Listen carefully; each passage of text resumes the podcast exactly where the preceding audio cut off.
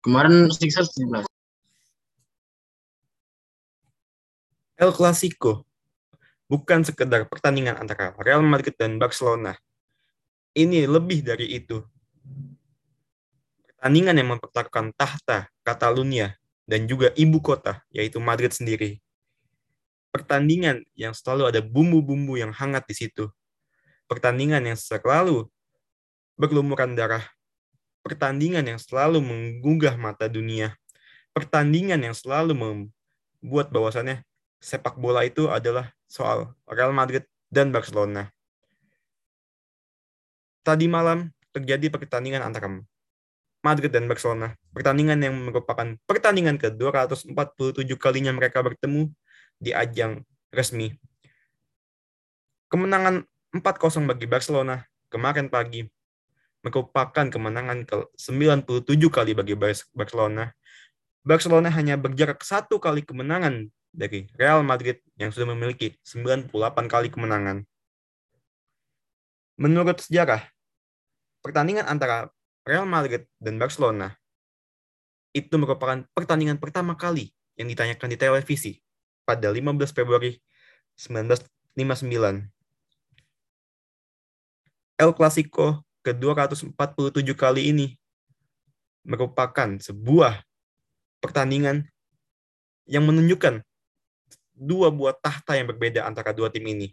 Barca dengan semangat barunya dan Real Madrid dengan terpelesetnya. Welcome back to Mouse Podcast Season 2, episode 18, The Barca.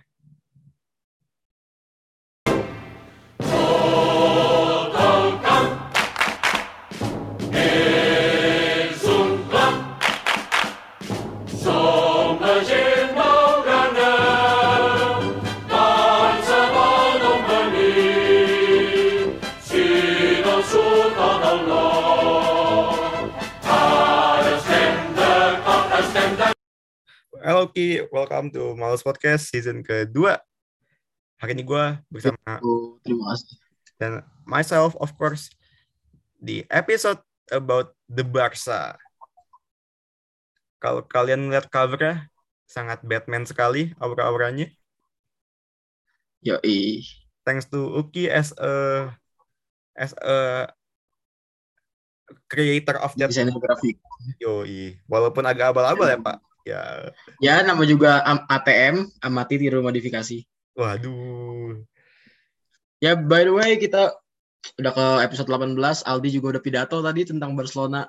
Um, Yap, match ke-247 pertemuan antara Oke. Barca dan Real Madrid. gue udah Gimana? kaget ya. Barca udah bisa menang gitu.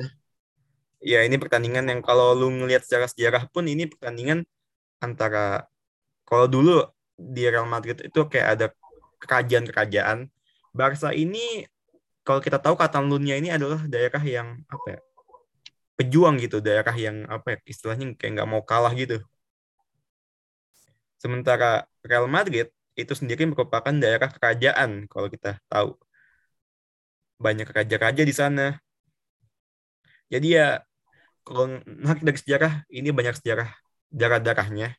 Walaupun mungkin kalau soal sejarah ya derby Madrid dan Atletico menurut gue lebih panjang sejarahnya pada El Clasico. Tetapi kan always yang paling panas itu ya El Clasico. El Clasico tetap Ya dua tim tersukses di dunia mungkin sekarang. mungkin. Bahkan yang satu lagi rebuild, yang satu lagi bagus. Iya, dua dua tim yang kalau menurut gue sendiri ya bener-bener kayaknya Eropa selama berpuluh-puluh tahun mereka yang megang. Setuju nggak sama gue? Setuju banget. Baik, gue udah tadi memulai eh, pidato di episode kali ini kan. Tadi gue udah bilang ini tadi match ke 247. Barca udah menang 97 kali dan Real Madrid 98 kali.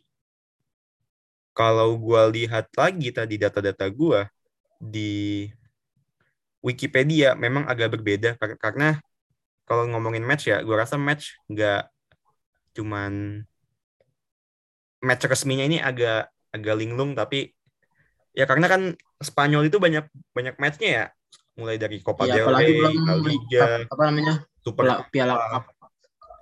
belum Liga Eropa. Jadi kalau ngomongin soal data nih ya, gue rasa data mungkin ada sedikit keliru tapi it's alright lah. Karena kan juga Barca sama Madrid selisih menang cuma satu. Tapi gue pengen ini deh. Gue sebelum gue ngomongin soal match yang memalukan itu bagi Madrid ya, gue ingin berbicara soal dominasi dua tim ini berdua di Eropa yang sama-sama kita tahu. Dua dominasi tim ini benar-benar menggila di Eropa. Real Madrid dengan 4 UCL di lima tahun beruntun, Barcelona dengan eh, treble dua kali dua kali dalam, dalam jangka 10 tahun. ya dalam kurang dari 10 tahun 2015 dan 2000 10. ya 2010.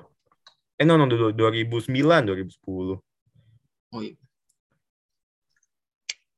Bener-bener apa ya? Lu kalau ngeliat squad nih, secara squad deh. Yang namanya Madrid, yang namanya Barca, sejelek-jeleknya squad itu pun pasti ada bintangnya. Lu Pasti jarang in- kalau misalkan gue ini deh ngomong berbicara soal tim-tim misalkan ketika Liverpool gitu, misalkan gue ngomong soal em, kayak dulu Chelsea yang 2015-2016 aja kan Walaupun bapuk-bapuk masih ada si ini, Diego Costa sama Hazard, ya tapi bintang yang bener-bener bintangnya itu kan cuma Fabregas. Ya at that time ya kalau ngomongin At Madrid that time cuma Fabregas. ya tapi kalau ngomongin Madrid Barca sebapuk-bapuknya pun waktu itu Messi masih di sana Sergio Ramos masih di sana Modric masih di sana kalau mau narik ke belakang juga sebapuk-bapuknya Madrid pun David Beckham masih bermain di Madrid kan Ronaldinho sebapuk-bapuknya Barca Ronaldinho masih di situ Main di Barcelona. Jadi ya ini tim yang rivalnya amat-amat besar dan juga tentu saja pemain-pemainnya juga ini ya. Lu kalau ingat dulu si pemain Luis Figo di- dilempar Luis Figo. Yang dilempar Kepala. babi kan. ya dilempar kepala babi. Mungkin menurut gue pemain yang ketika kepindahannya dari Barca ke Madrid. Madrid. atau Madrid ke Barca itu aman ya cuman mantan pelatih kita, Luis Mia. Gak ada kontroversi. Gue pernah dengar kata-kata dari Bang Bes atau siapa gitu tentang Luis Mia tentang ngomongin Madrid dan Barca. Eh, Madrid itu secara manajemen atau secara orang-orang atas lebih kuat daripada Barca, tapi Barca kalau soal taktik permainan dia lebih unggul. Dan kalau kita ngelihat kondisi sekarang ya, betul adanya. Kita masih ingat Barca di bawah Bartomeu betul-betul hancur.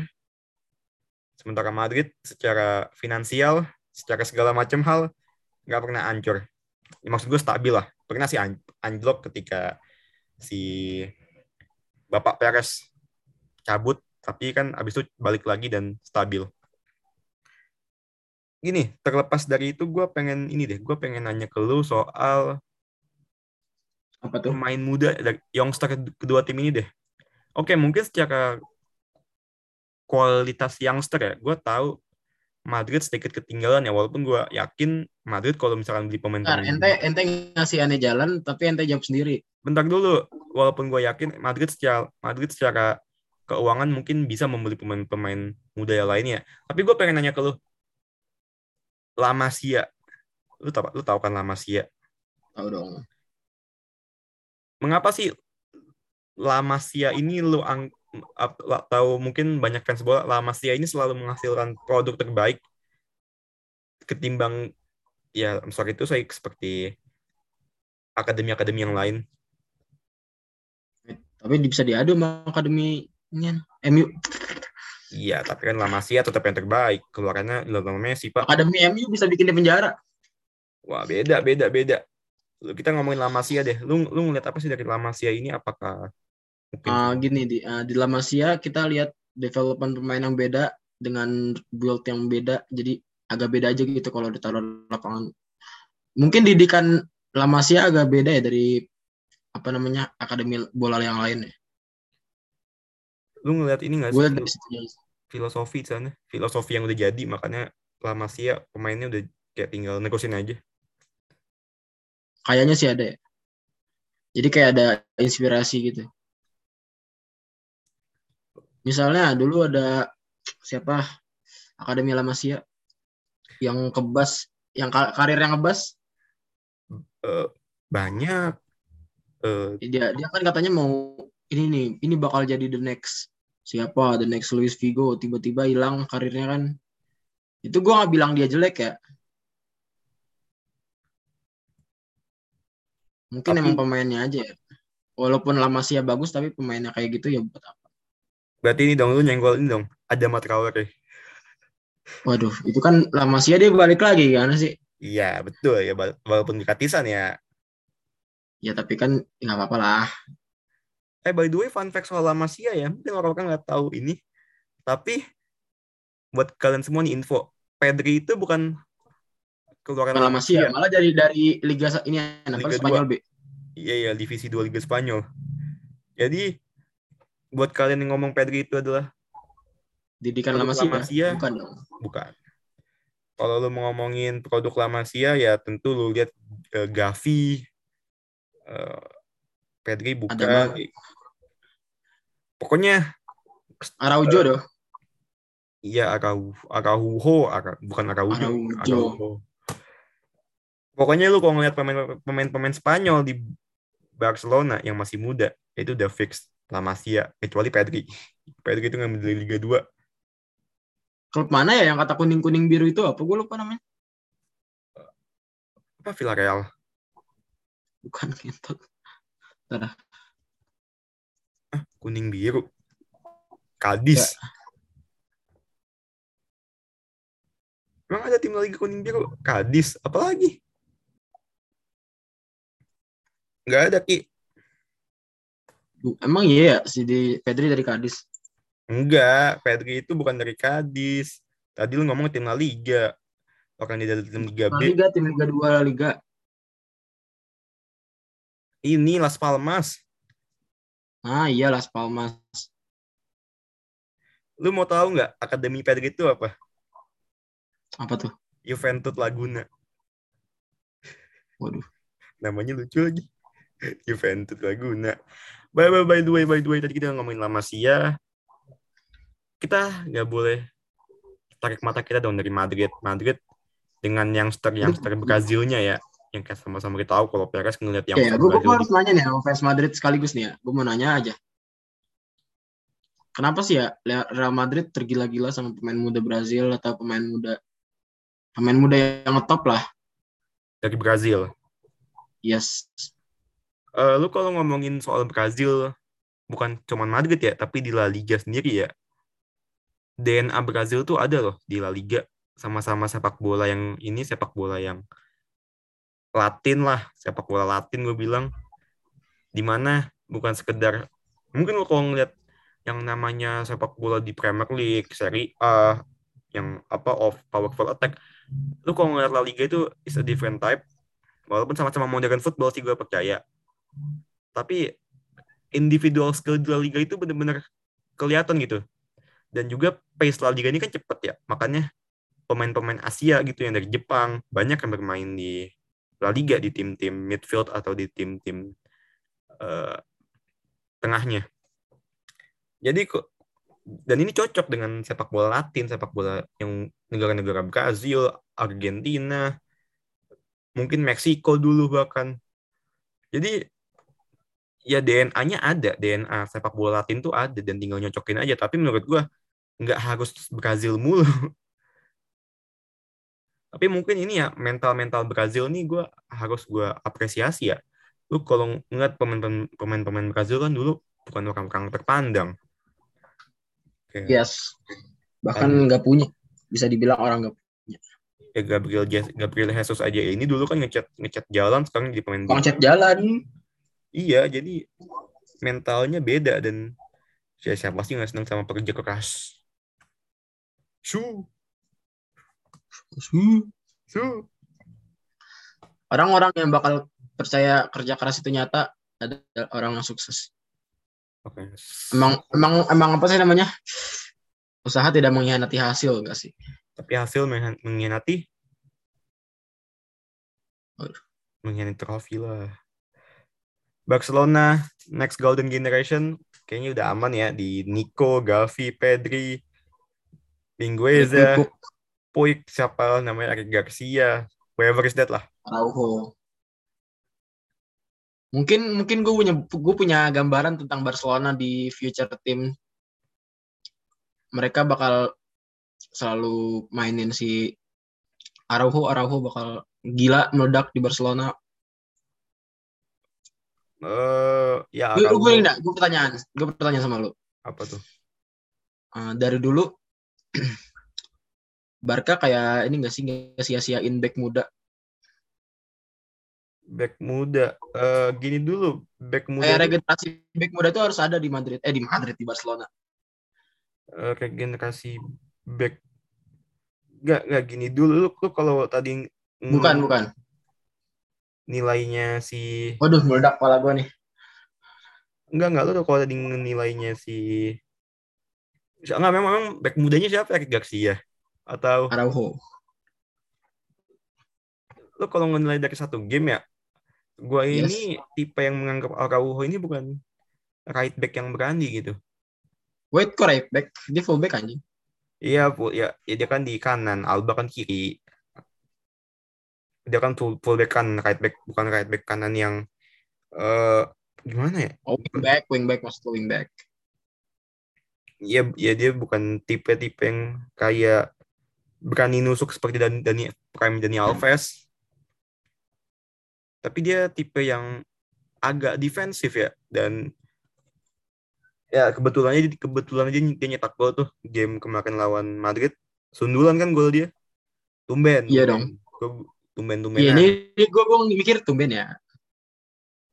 Tapi soal regenerasi back muda Barcelona ya, gua rasa untuk menjadi back Barcelona itu nggak mudah ya. Karena dulu Oke. Barcelona, lu lihat deh Barcelona sebe- seberapa ter ininya sih sama kehadiran dulu Puyol, Mascherano, Pique. Itu kan Pique nggak ada gantinya sampai sekarang. Lu mau naruh siapa center back itu kalau nggak ada Pique ya sulit. Lu mau naruh Lu- Lenglet. Masa lu mainin Mingueza sama si Araujo berdua? Ya, Oh gila. Masa lu mau Lu jam paman bisa lu kayak gitu loh. lu lihat kalah. aja namanya Um Titi Lenglet kan kagak nyatu-nyatunya itu. Iya. Jadi Justru 2018 Lenglet sama Pique nyatu. eh yang nggak bagus-bagus amat juga sih nyatu-nyatunya. Buktinya kan kena comeback juga masih ini sama si Ya itu buktinya Roma. Chelsea ngalahin eh Chelsea dikalahin Barca. ya itu mah Chelsea-nya Chelsea-nya yang bapuk. iya ya lu tahu kan Chelsea-nya Conte setelah juara kayak apa bapuknya. bapuk kebangsat banget anjing. Tapi kalau Ya center back enggak usah lah. nggak tapi kalau center back Barca ya gua rasa center back Barca ini emang harus tipe-tipe yang bisa bawa bola sih makanya gua mengerti kenapa Eric Garcia diambil karena dia eh, anak didikannya Pep jadi untuk mengatur serangan bisa lah ya tapi juga gue nggak ngeliat Garcia ini bintang bin- belum bintang 5 lah masih bintang 3 Belum. bintang ya belum bintang 5 Bintang- 3 masih dikejar. Hmm. iya masih bintang 3 belum mateng lah tunggu waktu tapi Tunggu waktu aja. iya karena tapi gua gua rasa sih untuk center back gua yakin di masa depan akan beli-beli lagi sih Beli- karena jadi center back yang bisa bawa bola tuh susah pak kayak Man. City dah Man City kan juga ujung-ujungnya ini gonta-ganti mulu beli-beli mulu Iya, kalau nggak John Stone sih itu siapa? eh gue Ben Emerick Lampard ya. iya lah Laporte. Kayak gitu lah gue Ben mungkin kadang-kadang Ake. Nggak speak of Barca ya speak of Barcelona. Eh, Barcelona di game kemarin itu asal lu tahu ya average first starting eleven-nya itu ada di angka 27,3 tahun.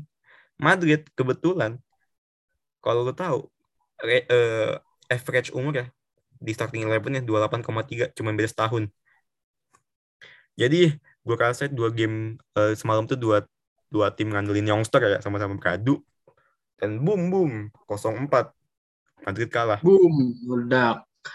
gue ngomongin soal Lu, lu game kaget? Eh, lu kaget nggak? apa tuh Vinicius em, harusnya dia bisa menonjolkan kemampuan dia di El Clasico tapi malah melempem.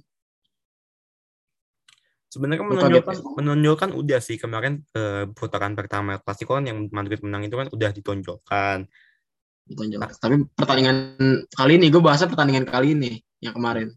Iya, gue tahu. Tapi sebenarnya kalau menurut gue ya, permasalahannya bukan cuma depan doang. Madrid Iya. itu semalam itu main dengan menurut gue ya, starting starting 11 paling ofensif menurut gue ya. 4 2 Sampai 4. jadi IMF. Iya, 4 2 4 eh, Rodrigo. Difai. Modric eh, out of nowhere tiba-tiba jadi kayak penyerang maju. False nine, false nine. Iya, Vo. Modric juga pokoknya Ma- Madrid itu kan yang kita tahu ya kalau Modric jelek ya timnya bakal jelek. Modric itu semalam main jelek banget. Eh semalam. Tadi malam mainnya jelek banget. Kemarin malam, sorry. Kemarin malam tuh mainnya jelek banget. Gua nggak tahu Modric ini what what's wrong dengan dia.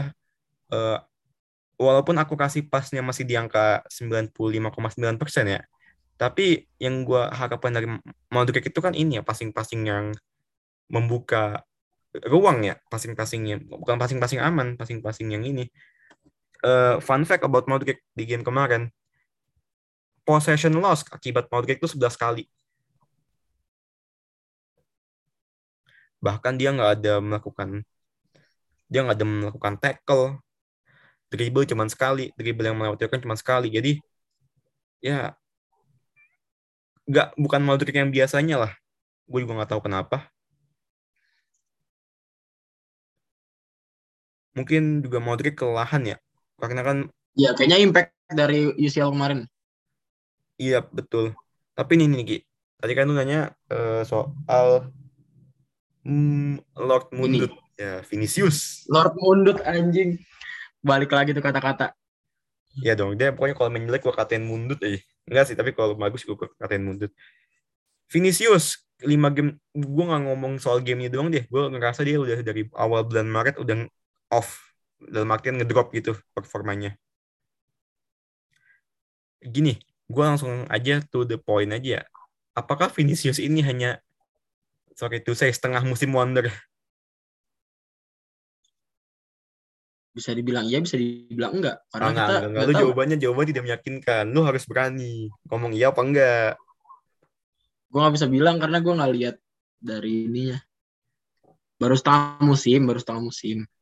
Maksud gue baru setengah musim kita nggak bisa lihat langsung kayak gitu aja kali. Iya, tapi kan udah tiga hampir udah mau 30 game, masa lu tidak bisa ngomong iya atau enggak?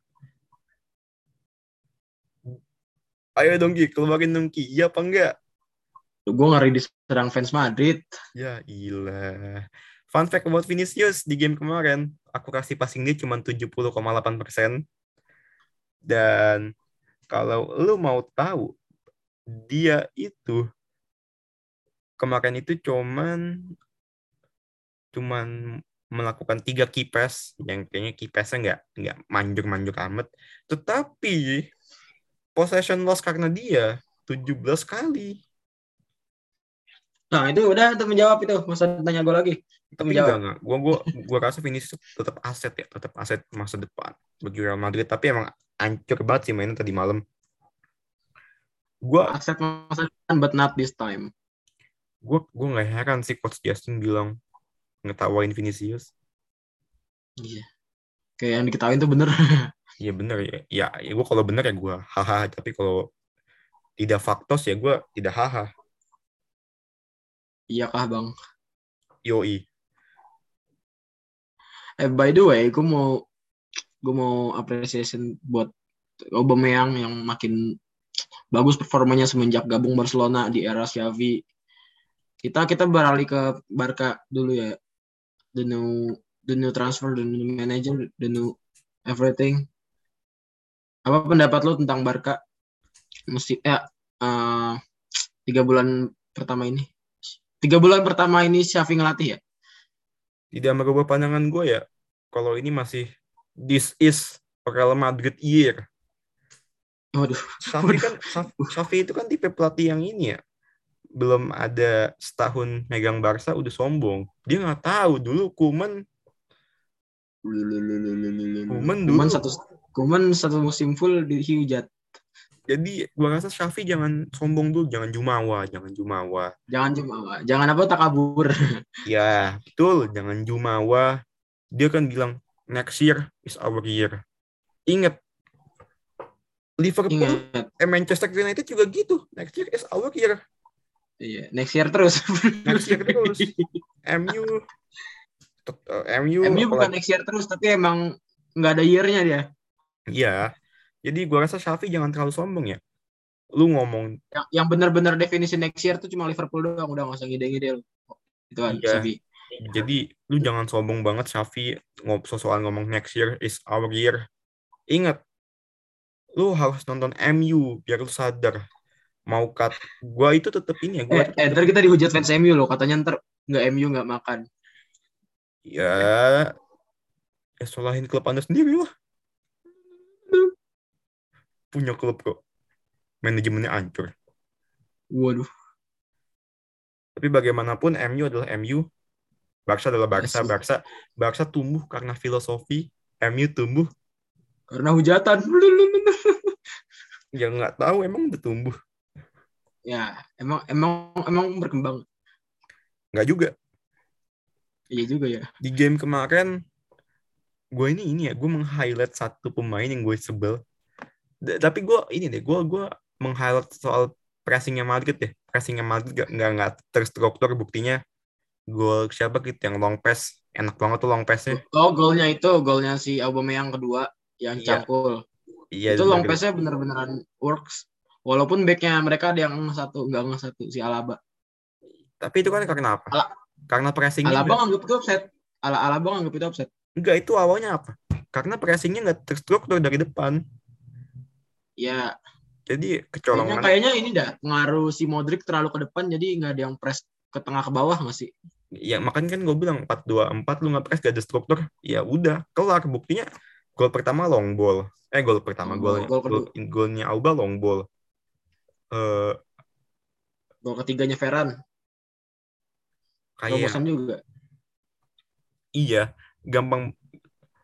Barca ini sebenarnya kalau boleh gue bilang ya kayaknya ketika menang ini nggak nggak Barca amat mainnya. Nggak nggak nggak yang namanya tiki taka awareness apalah segala macem lah. Kalau gue bilang murni dia karena the, the power of uh, change. kalau boleh gue bilang ya Barca ini menang karena mungkin Madrid gak bisa menerapkan struktur yang tepat dalam bertahan. Gampang banget kecolongan. Uh, uh, uh, uh, hmm, ya, uh, sih. Eder juga Eder juga mainnya jelek Daniel Carvajal gue gue gini deh gue nanya kalau Daniel Carvajal kita tahu beberapa tahun yang lalu mungkin salah satu pemain eh, fullback terbaik di dunia setuju kan sama gue Setuju. game kemarin Dani Carvajal percentage passingnya cuma 68,2 persen which is kok bisa Iya, gue lebih nanya kok bisa daripada kok gitu.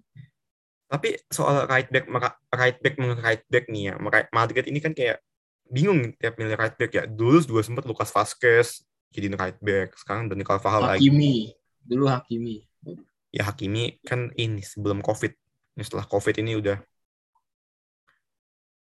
dulu ada Reguilon malah dibuang. Betul itu aset lah Regilan. Yoi, malah diambil. Untung diambil sama Spurs, kalau diambil sama MU, wah gue nggak nggak kalau diambil sama Liverpool atau City, wah gue nangis itu. Bisa bisa bahagia tuh dia. Tapi nggak ngomongin soal right back nih. Kenapa sih Madrid kayak kesulitan banget nemuin right back yang tepat? Apakah faktor taktik, faktor segala macam atau bla bla bla? Oke, silakan Kayak ini, uh, mungkin faktor kebingungan pelatih kali ya. Nggak, uh, right back yang lain udah hengkang di pelatih lama dibuang mungkin jadi nggak ada nggak ada nggak ada pelapis lain mungkin materinya kurang Hmm. materi right back Madrid tuh kurang aja mau Materi- siapa lu mainin Nacho Materi pemain atau- atau kurang materi di bursa transfer nih Pak? waduh Iya. saya nggak bisa jawab lagi bursa transfer saya nggak bisa saya serahkan ke anda deh Eh, tapi Madrid ya sih gue setuju sih daripada eh, nanti pas eh, inian musim awal musim belanja-belanja buat beli striker kayak Mbappe, Haaland mending menurut gue fokus. Ya, walaupun ini fokus ke belakang dulu dah Enggak, Mbappe Haaland perlu, tapi nggak usah dua-duanya juga. Mending lu ngambil satu Eh, nggak bukan right nggak- back yang nggak- bagus. justru nggak perlu nggak sih Enggak, kalau Mbappe atau Haaland perlu. Haaland gue Haaland wait perlu. wait wait wait wait Luka Jovic aja belum dibuang anjing Oh enggak, Luka Jovic itu nggak penting. Luka Jovic itu nggak penting.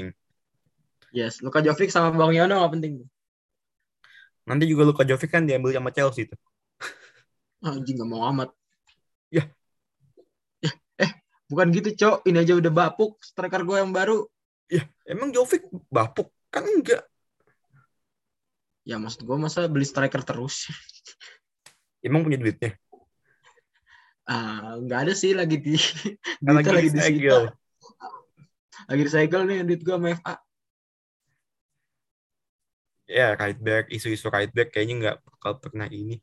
Tapi ada satu lagi biang kerok yang gue sangat bermasalah. Lu kalau ngeliat Barcelona selain golnya Araujo yang corner, eh nggak ada Yes. ya, include tiga gol Barca include yang corner itu, itu salah Eder pak. Gol ini gol corner, Eder nggak ini nggak Eder Eder bukan hanya jagain sini ya? Auba. nggak Eder pas golnya corner Araujo itu bukannya switch defense malah telat cover. Eh, yang kalau gue nggak yang long ball juga juga salah dia. Eder Militao. I see, I see. lu, lu- ya lu ngerti kan Eder Militao tapi gini kayak Eder Militao ini kan always digadang-gadang the next The Varane next Ramos. The enggak the next Ramos. Varane kalau the next Ramos Oh, the next Varane dulu. Varane Varane kan pemain muda jiwa muda Jiwa muda, kokoh. tapi emang apakah Eder sebintang lima itu kah menurut lu Nggak, nggak juga sih. A- ada kok momen di mana dia miss jadi back. ya ya nggak kalau Ada kesalahan per game ada Gue tapi gue kan ngikut kesalahannya dia ya, tapi kayak belum belum pantas dibilang five star fullback aja sih. Eh five star fullback, five star center back aja. Belum waktunya dia dapat five star gitu. masih takut tambah dewasa Waduh, itu lagu anjir. Ba- Madrid kayaknya udah tapi kalau Madrid sih kayak gue rasa ini cuma kehilangan tiga poin ya ini cuma dia kehilangan tiga poin Iya, Madrid kehilangan tiga poin gak mikir amat lah. Yang penting Iya. next game Iya ambil karena lah. gue rasa gelar udah udah fix terkunci lah ya. Poin udah jauh juga kan dari pesaing. Next game juga Madrid gak ketemu yang namanya Atletico, gak ketemu namanya Barca. Jadi udah eh tinggal menang-menang aja. Gak perlu menang 3-0 lah. Menang 1-0 juga udah, udah, udah ini kan udah aman. Barca, apakah lu setuju sama gue? Atau enggak? Atau lu tidak setuju sama gue kalau apakah Barca next year akan jadi year, year mereka karena kan pelatihnya Xavi pede banget nih ah tahun ini gue nggak apa-apa lo Kalau kita eh, oh iya, kalau kita lihat dari kepedean Xavi, mereka tuh bisa sebenarnya. Tapi itu jangan terlalu takabur. nggak kenapa lo nggak Oh, boleh tapi Xavi tuh Sa- Xavi tuh takutnya ngerinya dia takabur. Gue punya materi pemain kencang semua, gue punya materi pemain kuat semua, tapi takutnya kan konsisten kan kita nggak tahu ya. tapi bukannya filosofinya bagus maksudku kalau udah punya filosofi kenapa harus takut Iya juga sih. Kayaknya kayaknya mulai musim depan Barca main lebih pede sih. Itu yang gue lihat dari record tiga bulan terakhir dia di La Liga atau di liga lain. Terutama di La Liga sih dia bisa bantai Madrid 4-0 itu udah acuan buat gue. jadi kalau misalkan nih pertanyaan buat Xavi nih apakah Xavi di Barca ketika semakin tambah dewasa akan menjadi takut tambah dewasa atau semakin berani tambah dewasa di Barca Berani tambah dewasa. waduh Pelatih-pelatih mirip eh pelatih-pelatih modelan Xavi belajar dari kesalahan dan akan memperbaiki masa depan. Uh. Dalam banget omongan gue. kata lu udah kayak oleh Waduh, aduh. anjing oleh lagi, oleh lagi. Gue lagi nggak mau bahas MU bro. Iya, tapi kata-katanya kayak oleh. Jadi, itulah Eh, tapi bagus tadi kata-kata gue. ya memang belajar dari kesalahan buat masa depan. Iya, elah jangankan oleh jajang nuk jajang nuk zaman juga bisa. Ah, Kata siapa? Kata siapa? Belajar kesalahan itu kan sulit. Oke, jadi tapi eh, itu aja lihat MU nggak pernah belajar dari kesalahan. sorry ya fans MU ya, sorry. oke, jadi Tapi itu fakta kok. ya oke, jadi kita akan masuk ke fase siapa pemain terbaik dan siapa pemain terburuk dari versi kita. Untuk apa? Untuk El Clasico ini. Iya, tapi kita ini dari dua kubu. Pertama dari Real Madrid dulu, dari dari losers ya. Menurut gue pemain terbaik dari Madrid semalam itu Federico Valverde. Gue tahu aja. Federico Valverde dia eh, passing percentage-nya paling tinggi 95,5 persen dan kalau lu mau tahu dia possession loss cuma tiga kali possession loss Eh, yang paling gue lihat tak- dia berhasil eh, in- mengintercept sekali tackles-nya sekali works dan VD is VD buat Iya, gue salut sama Fedri. dia nyetak dua pass dan dia masih bisa ngeblock shot dan ya dribble sukses dia. Em- empat kali dari empat kali time tiga kali sukses. Buat losers ya losers akan gua kasih ke ya Eder Militao sih menurut gue walaupun paling Eder Biasa. Tiga Ya, gol. gue gue setuju, gue setuju, gue setuju. lu kalau lu siapa dari Madrid? Pemain terbaik versi gue di pertandingan El Clasico semalam, gue bakal ngasih ke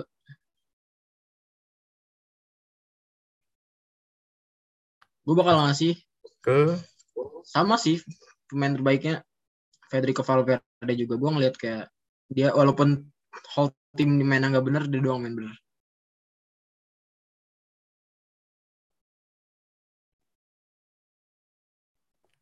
habis itu yang paling bagus? Main yang paling bagus apa? Tadi kan udah paling bagus Valverde. Yang paling buruk ya tadi Eder Militao. Oh sama kayak gue ya? Ngikutin. Sama sama aja karena ya emang begitu fakta. Kalau Barca? Kita lanjut ke Barcelona. Pemain terbaik gue dulu Gua- ya.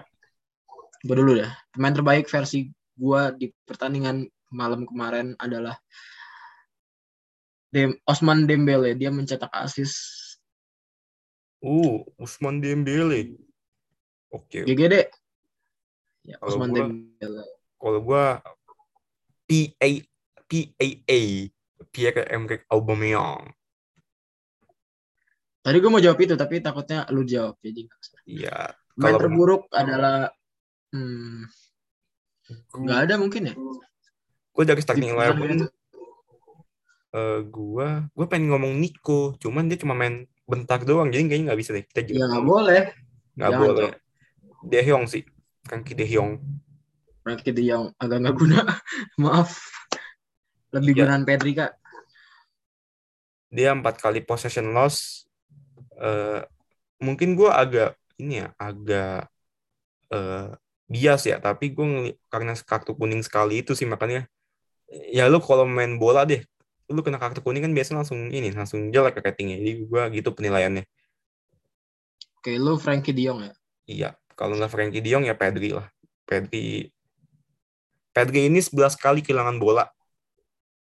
Oke dia position loss segitu ya? Iya. waduh kaget juga gua. Jadi gue kalau nggak Frankie Pedri. Terus siapa? Pemain terburuk? Enggak, pemain pemain dari paling gua jelek. eh, ya gua Frankie De Jong aja lah dia bikin kesalahan yang signifikan. Bahkan dia naik kalau siapa tuh kemarin yang kartu kuning itu? Lupa gue. itu itu bahkan ya kalau lu nggak tackle juga bakal hilang bolanya. Eh, maksudnya aman ya, melebar lah ya. bola. aman. Jadi nggak kayak tackle nggak perlu aja. Men men. Lu naik kalau orang buat apaan sih bola kan? Tapi dijatuhin anjing Oke, itulah tadi dua versi pemain terbaik dan pemain terburuk dari El Clasico kali ini. Eh, kita Ending ke aja segmen apa udah nggak ada segmen-segmen lagi sih, kayak the ending aja ya.